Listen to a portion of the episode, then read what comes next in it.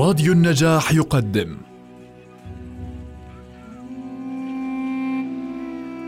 المسلسل الإذاعي صلاح الدين الأيوبي للكاتب وليد سيف والمخرج حاتم علي. بطولة جمال سليمان سوزان نجم الدين باسم ياخور نجاح سكفوني وائل رمضان محمد مفتاح. أنتجه للإذاعة أسماء فرج الله مهندس الصوت محمد علي. التأليف والتوزيع الموسيقي طاهر ماملي. المونتاج سليم شامية. الإشراف العام عبيدة فرج الله.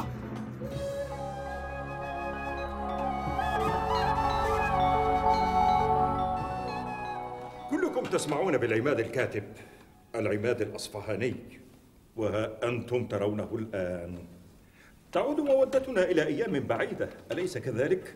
ولماذا التسويف؟ خير البر عاجله يوم النوى ليس من عمري بمحسوبي ولا الفراق إلى عيشي بمنسوبي أرجو إيابي إليكم ظافرا عجلا فقد ظفرت بنجم الدين أيوبي. أحبك الله إذ لازمت نجدته على جبين بتاج الملك معصوبي أخوك وابنك صدقا منهما اعتصما. بالله والنصر وعد غير مكذوب. هما همامان في يومي وغى وقرا. تعودا ضرب هام أو عراقيب. غدا يشبان في الكفار نار وغى بلفحها يصبح الشبان كالشيب بملك مصر. ونصر المؤمنين غدا تحظى النفوس بتأنيس وتطيب. ويستقر بمصر يوسف وبه. تقر بعد التناء عين أيوب ويلتقي يوسف فيها بأخوته والله يجمعهم من غير تثريب. الله الله بشرك الله بالخير. هل سمعت؟ أعد أعد عليه أبيات مصر. ويستقر بمصر يوسف وبه. تقر بعد التناء عين أيوب.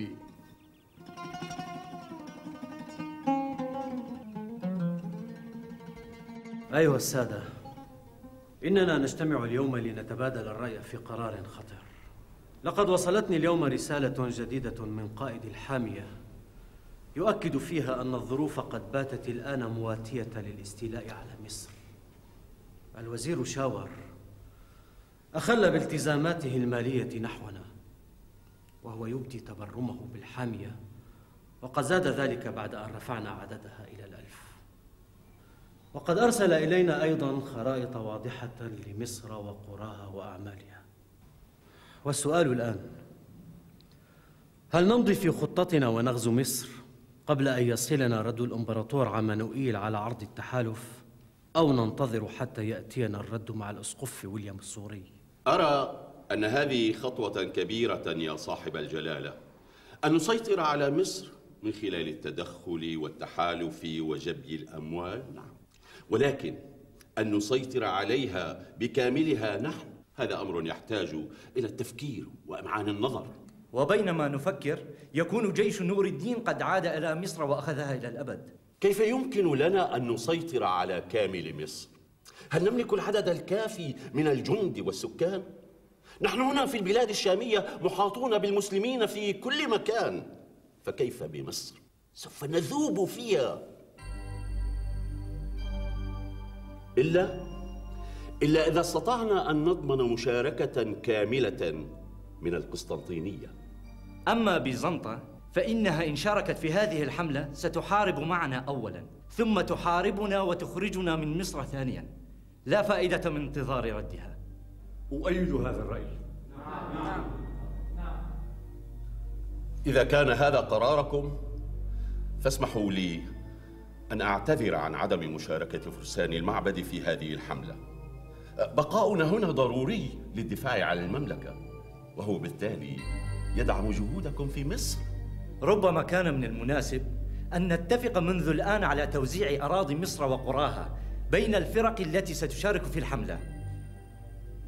أعني إن هذا يقوي من عزائم الجميع ويعطيهم أسبابا أخرى ليبذلوا أفضل ما عندهم.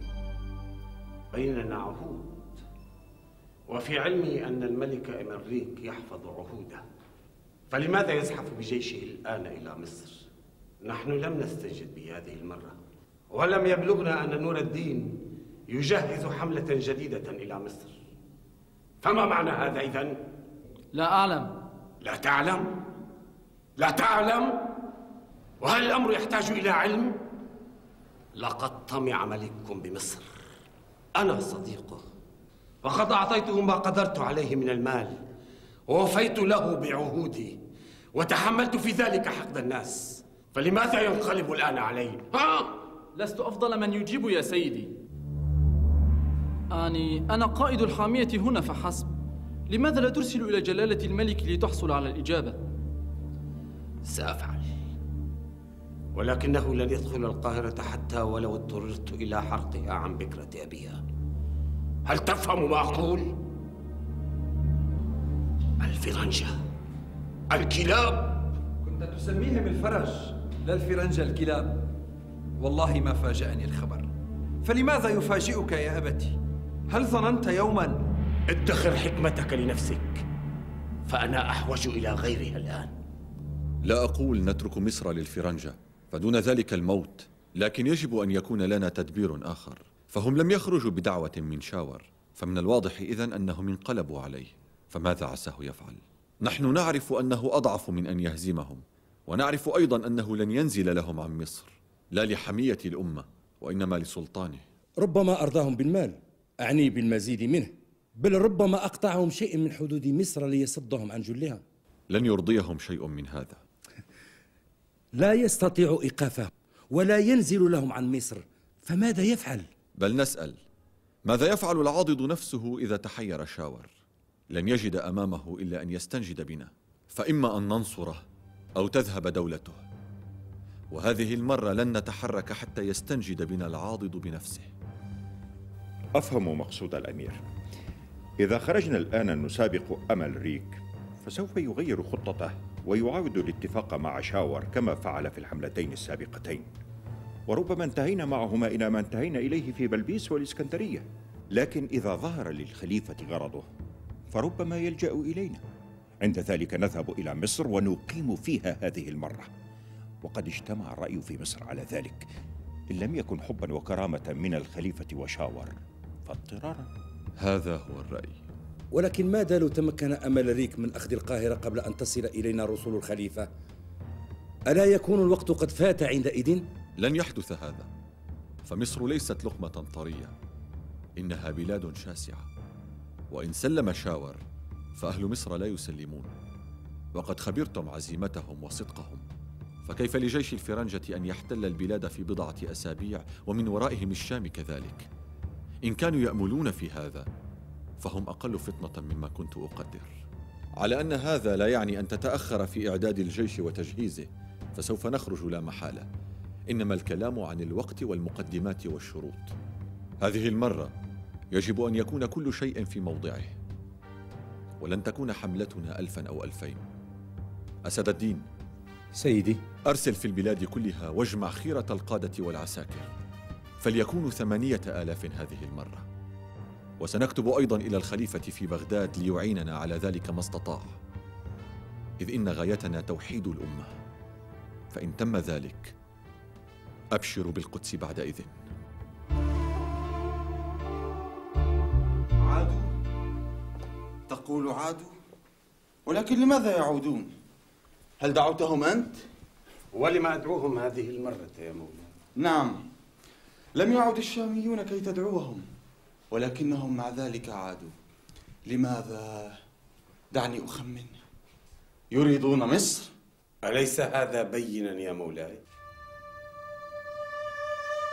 بلى هو بين خذلهم الله بقدر ما نحتاج دعاء أمير المؤمنين أعزه الله فإننا نحتاج إلى أكثر من ذلك يا مولاي مني؟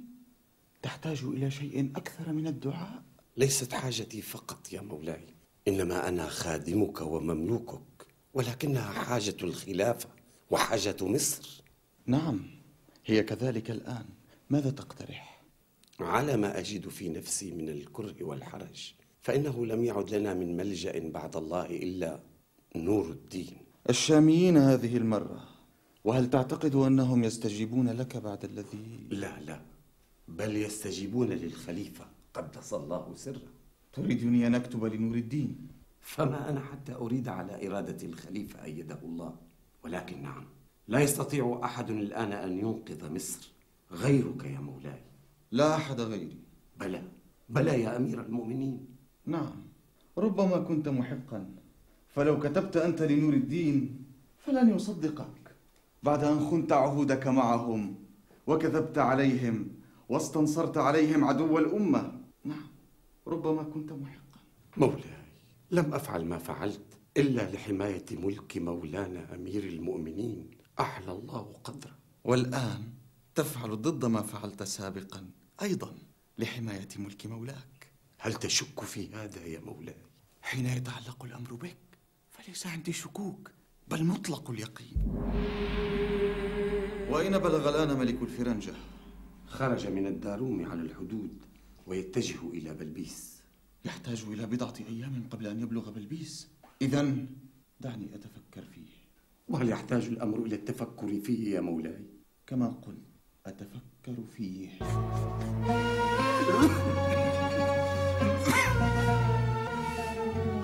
ما الذي يضحك سن أمير المؤمنين وقد دخل الفرنجة أرض مصر؟ هل رجعوا؟ لا لم يرجعوا. ولكن لو رأيت شاور وقد أخذه الرعب كأنه يساق إلى الموت. وددت لو يطول عليه الحال فأزداد استمتاعا بذلك المشهد.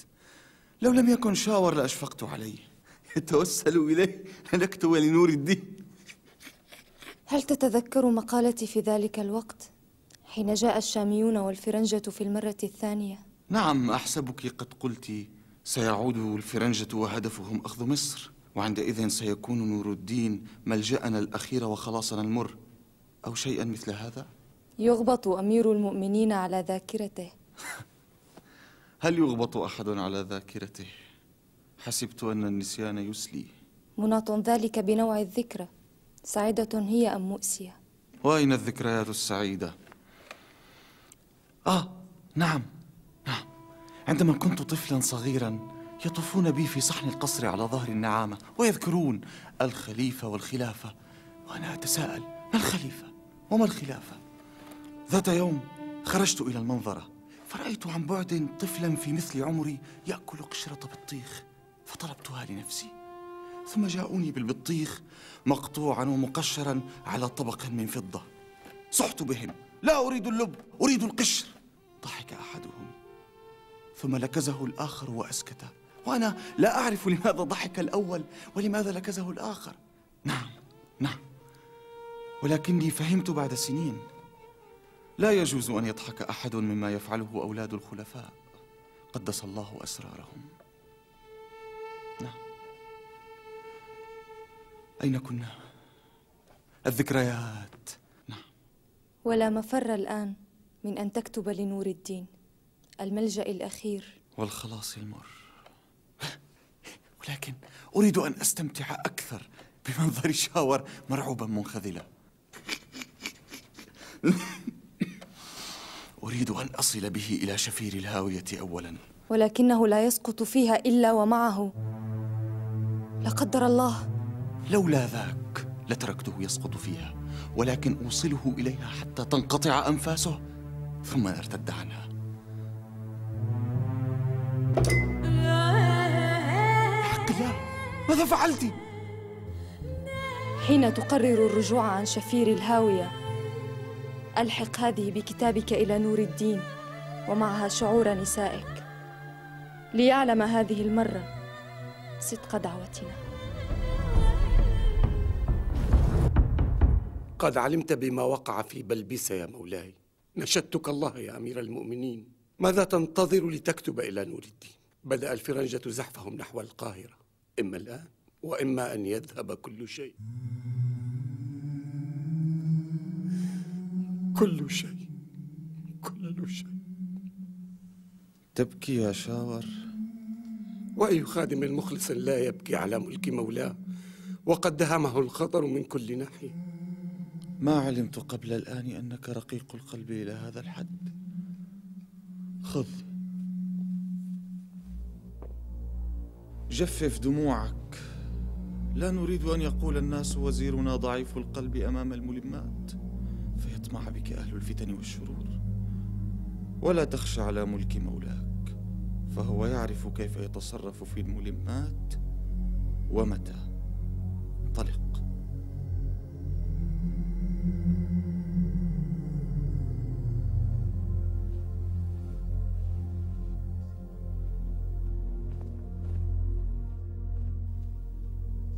يا مولاي. أعلم أن أبي قد اقترف من الآثام ما لا يتسع له إلا عفو الله إن شاء أن يعفو عنه. وقد علم الله تعالى أني لم أقره على شيء منها. ولكننا الآن لا نتحدث عنه. إنما هي يا مولاي مصر وديار الإسلام. وأنا أكاشف مولاي أمير المؤمنين. نعم لقد عزم أبي على المصابرة ولكني أعرفه. إذا ضاق به الحال ويأس من النجدة فإنه يسلم في آخر الأمر. مصير الأمة كلها الآن بين يديك يا مولاي ونور الدين. وإني أناشدك بالله أن تسارع فتكتب له قبل فوات الوقت. لا أصدق هذا. لا أصدق هذا. كم يكفيك من دماء رعيتك لكي تشتفي من شاور وتستمتع بضعفه وتوسلاته؟ هؤلاء الذين قتلوا وأسروا وسبوا في بلبيس. ما ذنبهم؟ هل هم الذين غلبوا شاور عليك؟ كي تنتقم بهم منه فتتركهم طعمة للفرنجة؟ بل دفع هؤلاء ثمن خروجهم على أمر شاور حين نصروا إخوانهم عسكر الشام. كيف يكون هذا؟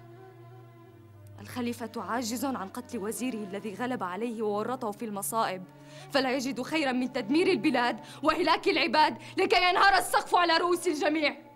لم تأخذ شاور وحده إلى شفير الهاوية وإنما أخذت نفسك والخلافة ومصر كلها. لا بل إن الذين قتلوا في بلبيس ويقتلون الآن قد سقطوا في الهاوية حقا ألا يكفي هذا؟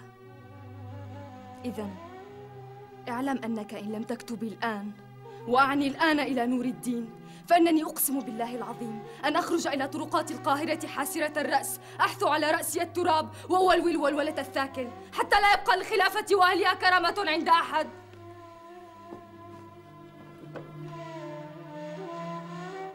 إلى الملك العادل نور الدين زنكي.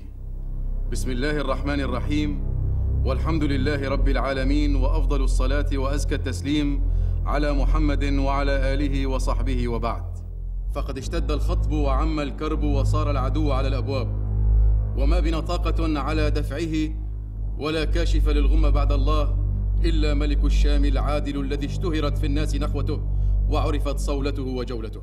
وإن لم تبادر إلينا ذهبت البلاد وهلك العباد وعم الفساد. وهذه شعور نساء من قصري يستغثن بك لتنقذهن من الفرنجة.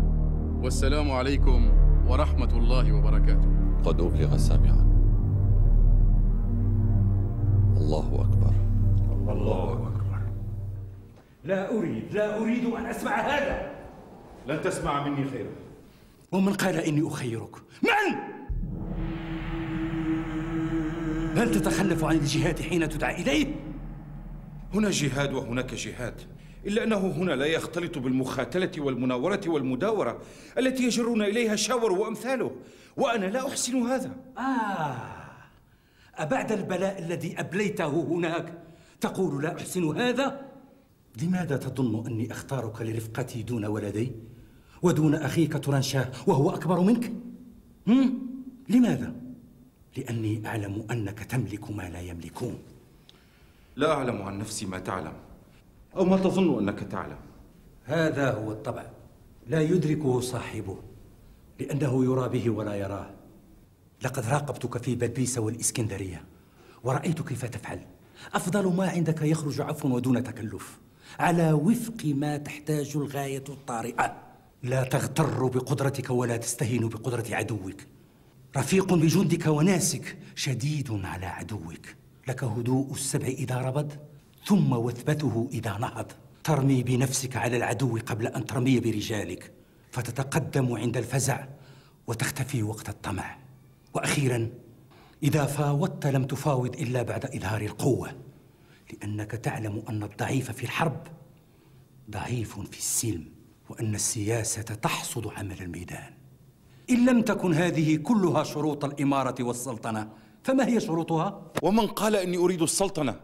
ولماذا لا تطمح إليها؟ يا عماه إنك لا ترى جانبا من الأمر ويخفى عليك بعضه لم تكن معي داخل الإسكندرية ولم أفسح لأحد عما اعتراني نعم كان علي أن أحفظ المدينة حتى آخر نفس عندي ولكني حين كنت أرى المرضى والجوع والجرح يتساقطون أمامي ولا أستطيع أن أفعل لهم شيئا كان قلبي ينفطر ونفسي تنشطر.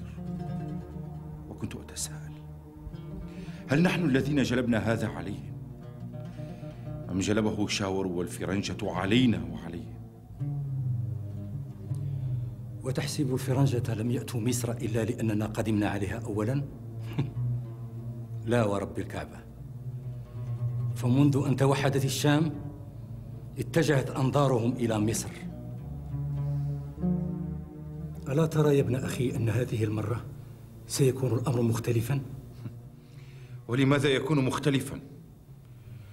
سندخل كما يدخل الفرنجة ثم نخرج كما يخرج الفرنجة ويبقى شاور هذه المرة نخرج بعهد الخليفة نفسه بعد أن ظهرت غاية الفرنجة في مصر وقد اختبرنا الناس في الحملتين السابقتين ولم يبقى لشاور في مصر محب أو معين فإذا أخرجنا الفرنجة أقمنا هناك وعندئذ تجتمع مصر والشام لأول مرة منذ دهر ألا تكفي هذه الغاية العظيمة؟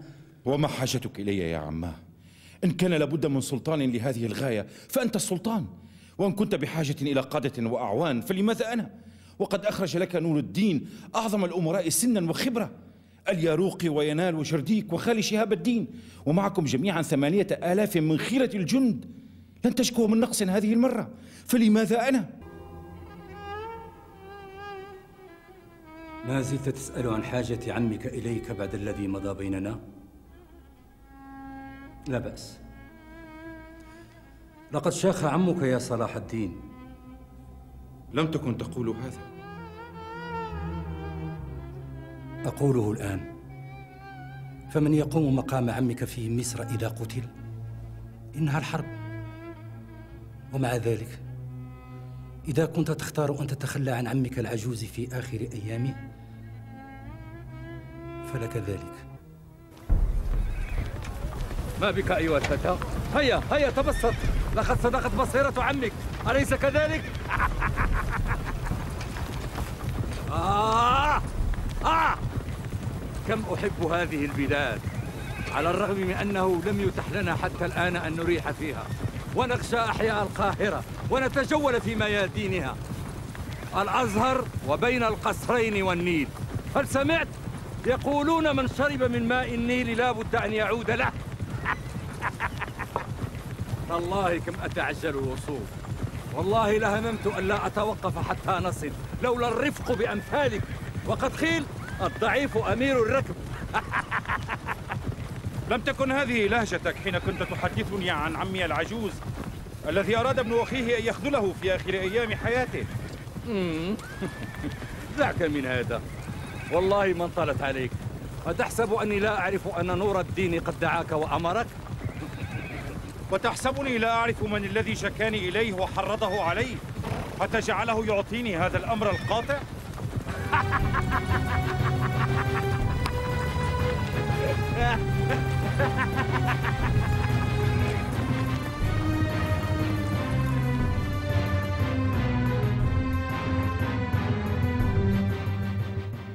يجب أن يكون همنا الأول الآن أن نعيق الفرنجة بكل وسيلة إلى أن يصل العسكر الشامي.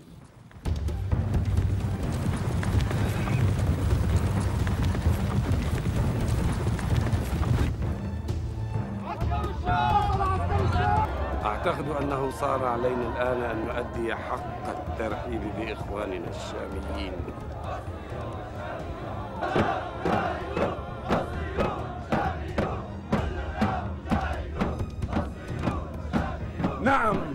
مصريون وشاميون كلنا مجاهدون. عفى الله عما سلف يا أسد الدين وقد ينزغ الشيطان بين الإخوة. فلنستدبر الماضي ونستقبل الآتي. وقد قيل الأعمال بخواتيمها.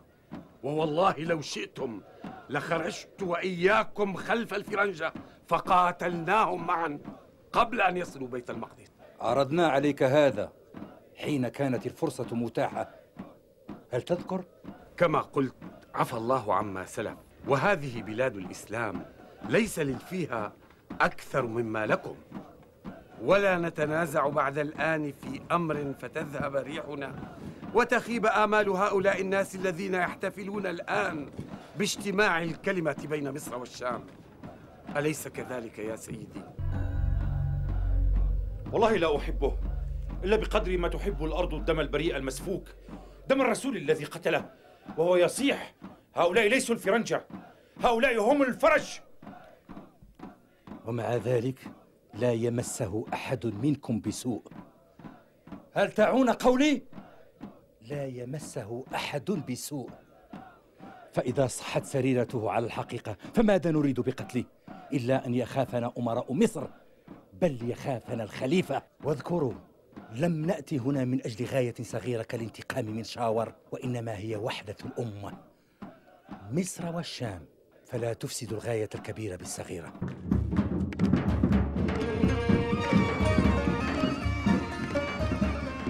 ألهذا الحد يحبون أهل الشام؟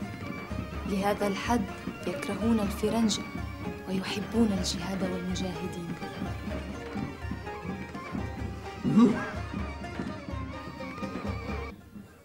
ومع ذلك فهم جند نور الدين. ونور الدين يتبع خليفة بغداد وهذه خلافتنا في مصر. فلمن سيكون عمل الشاميين هنا؟ لم تعرفي هذه الأسئلة حين قصصت شعرك ليرسل إلى الرجل الشهم نور الدين. وهذه شعور نسائي من قصري يستغثن بك. السؤال على قدر الحال. وقد تحقق المراد وانخلع الفرنجة لا ردهم الله. وقد حان الآن وقت هذه الأسئلة. ما الذي ترمين إليه؟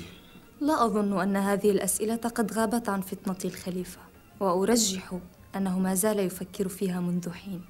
هؤلاء الشاميون إما أن يأخذوا منا مصر لنور الدين وخليفة بغداد وإما أن نأخذهم من نور الدين لخلافتنا. فإنني كلما قربتهم إلي وخلعت عليهم وأطمعتهم تحول هواهم إلي وصاروا جزءا من دولتي. وما هي إلا أيام حتى يألفوا مصر فتصير دارهم الجديدة. كما قدرت لا يسبق أحد أمير المؤمنين بالفطنة وإن أخفاها. الخفاء قوة. السلام على أمير المؤمنين. السلام على أمير المؤمنين. إذا أنت أسد الدين. ما انطبق لقب على صاحبه مثل ما انطبق عليك؟ يا أسد الدين. إنما نحن خدم لولاة الأمر يا مولاي.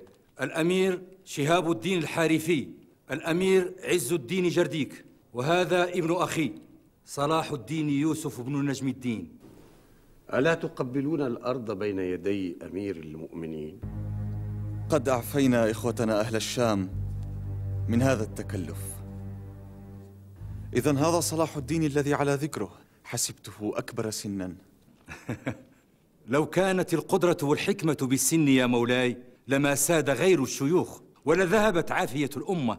وأمير المؤمنين خير دليل على الشباب الموصول بالحكمة. نعم ما زال الشيوخ يحسدون الشباب فورة العزيمة فيسمونها نزقا. ثم يعزون أنفسهم عن ذهاب الشباب فيختصون أنفسهم بالعقل والحكمة.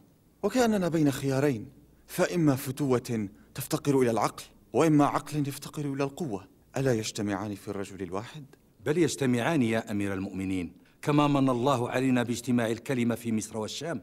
إنه لا يشرفني أن أرفع إليكم أحسن التحيات من الملك العادل نور الدين. كيف لنا أن نشكر الملك العادل وجنده؟ لقد لبيتم النداء وأبرأتم الذمة. بل الشكر لله يا سيدي. فهذا يوم عظيم من أيام الأمة. سوف تتلوه أيام. وستحمل هذه الهدايا إلى منازلكم ومعها جياد مطهمة تليق بأمراء الشام بل بأمراء مصر والشام. فقد انعقدت الصلة وصار لمصر فيكم مثل ما لكم فيها. ولا تتأخروا عني في حاجة تطلبونها. وهذا وزيرنا شاور ينهض لحاجتكم من الجرايات والنفقات. واعلموا أنكم خرجتم من بلدكم إلى بلدكم ولن نجزي الإحسان إلا بالإحسان وأنتم عندنا الآن بمنزلة لا تساويها منزلة. نستأذن مولانا. صلاح الدين ما تحسن من الألعاب؟ الكرة والصولجان يا مولاي. الشطرنج هل تحسن الشطرنج؟ لا يحسنها أحد مثله إلا أمير المؤمنين طبعا. إذا تريني نفسك. هم؟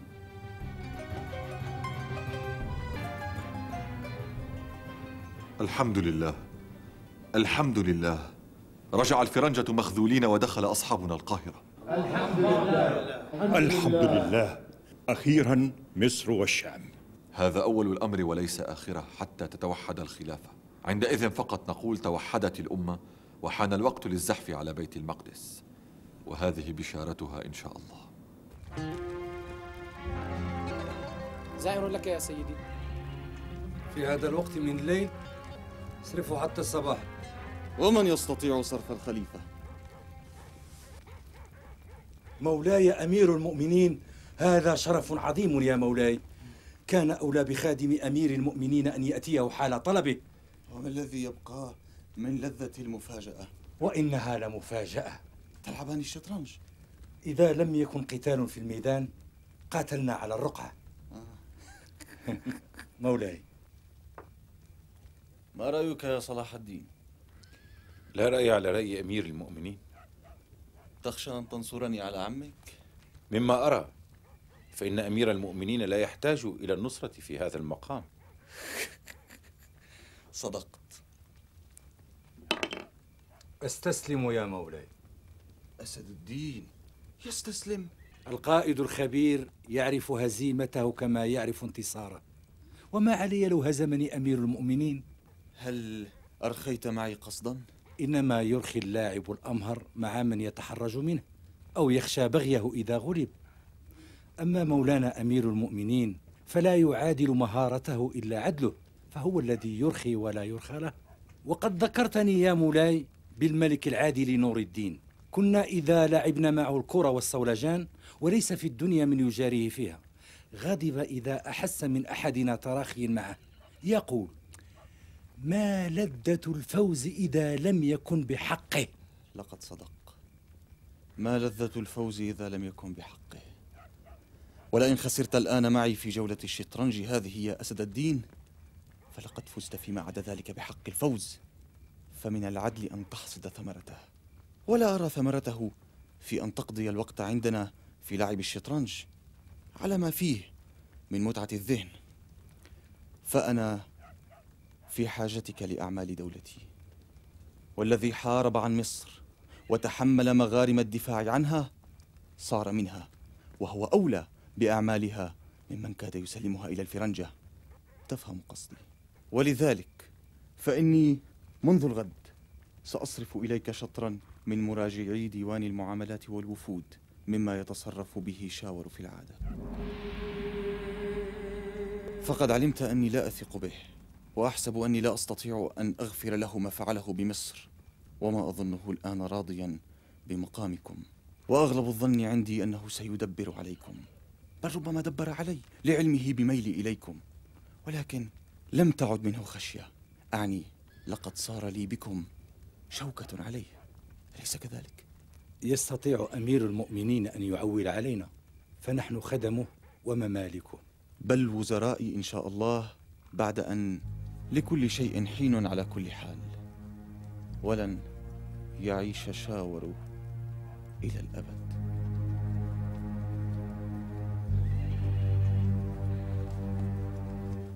لما نختبر لعبك بعد يا صلاح الدين الثانية في قصري نشيعك يا مولاي. جئت متخفيا وأعود متخفيا. مكانكما. لن يضل أمير المؤمنين طريقه. هذا هو هدف زيارته يحرضنا على شاور. ولكننا لن نفعل مع ذلك إلا أن يكون دفاعا عن النفس وبأمر الخليفة المكتوب. صرت وزيرا بلا وزارة ولكن هذا لن يطول. لا والله لا يطول. ليس الوزير شاور من يسلم لهذا الشامي الأعور. يا أبت ألا تكف؟ لا والله لا أكف. هذه وزارتي وهذا سلطاني. ولن أسمح لهذا الشامي الطارئ أن يزاحمني إياه. هذا الشامي الطارئ هو الذي أنقذنا من الفرنجة. وقد فعل. ولكن من ينقذنا الآن منه؟ ألا نستفيد من الدروس السابقة يا أبتي؟ بل نستفيد. نستفيد منها أنني نجحت دائما في أن أتخلص من خصومي ابن زريك ثم ضرغام ثم أسد الدين ثم الفرنجة ثم هذه المرة أيضا. لماذا تختلف عن سابقاتها؟ تختلف في أنه لا يوجد الآن في مصر خصم لأسد الدين تضربه به. لقد ذهب الفرنجة وبقي هو. وقد علمت أنه ليس لك طاقة به وبجنده. هناك طرق أخرى. آن الأوان لأن ندعوه مع كل أمرائه إلى وليمة عظيمة في بستاننا. وهو رجل يحب اللحم. وسوف نقدم له الكثير منه.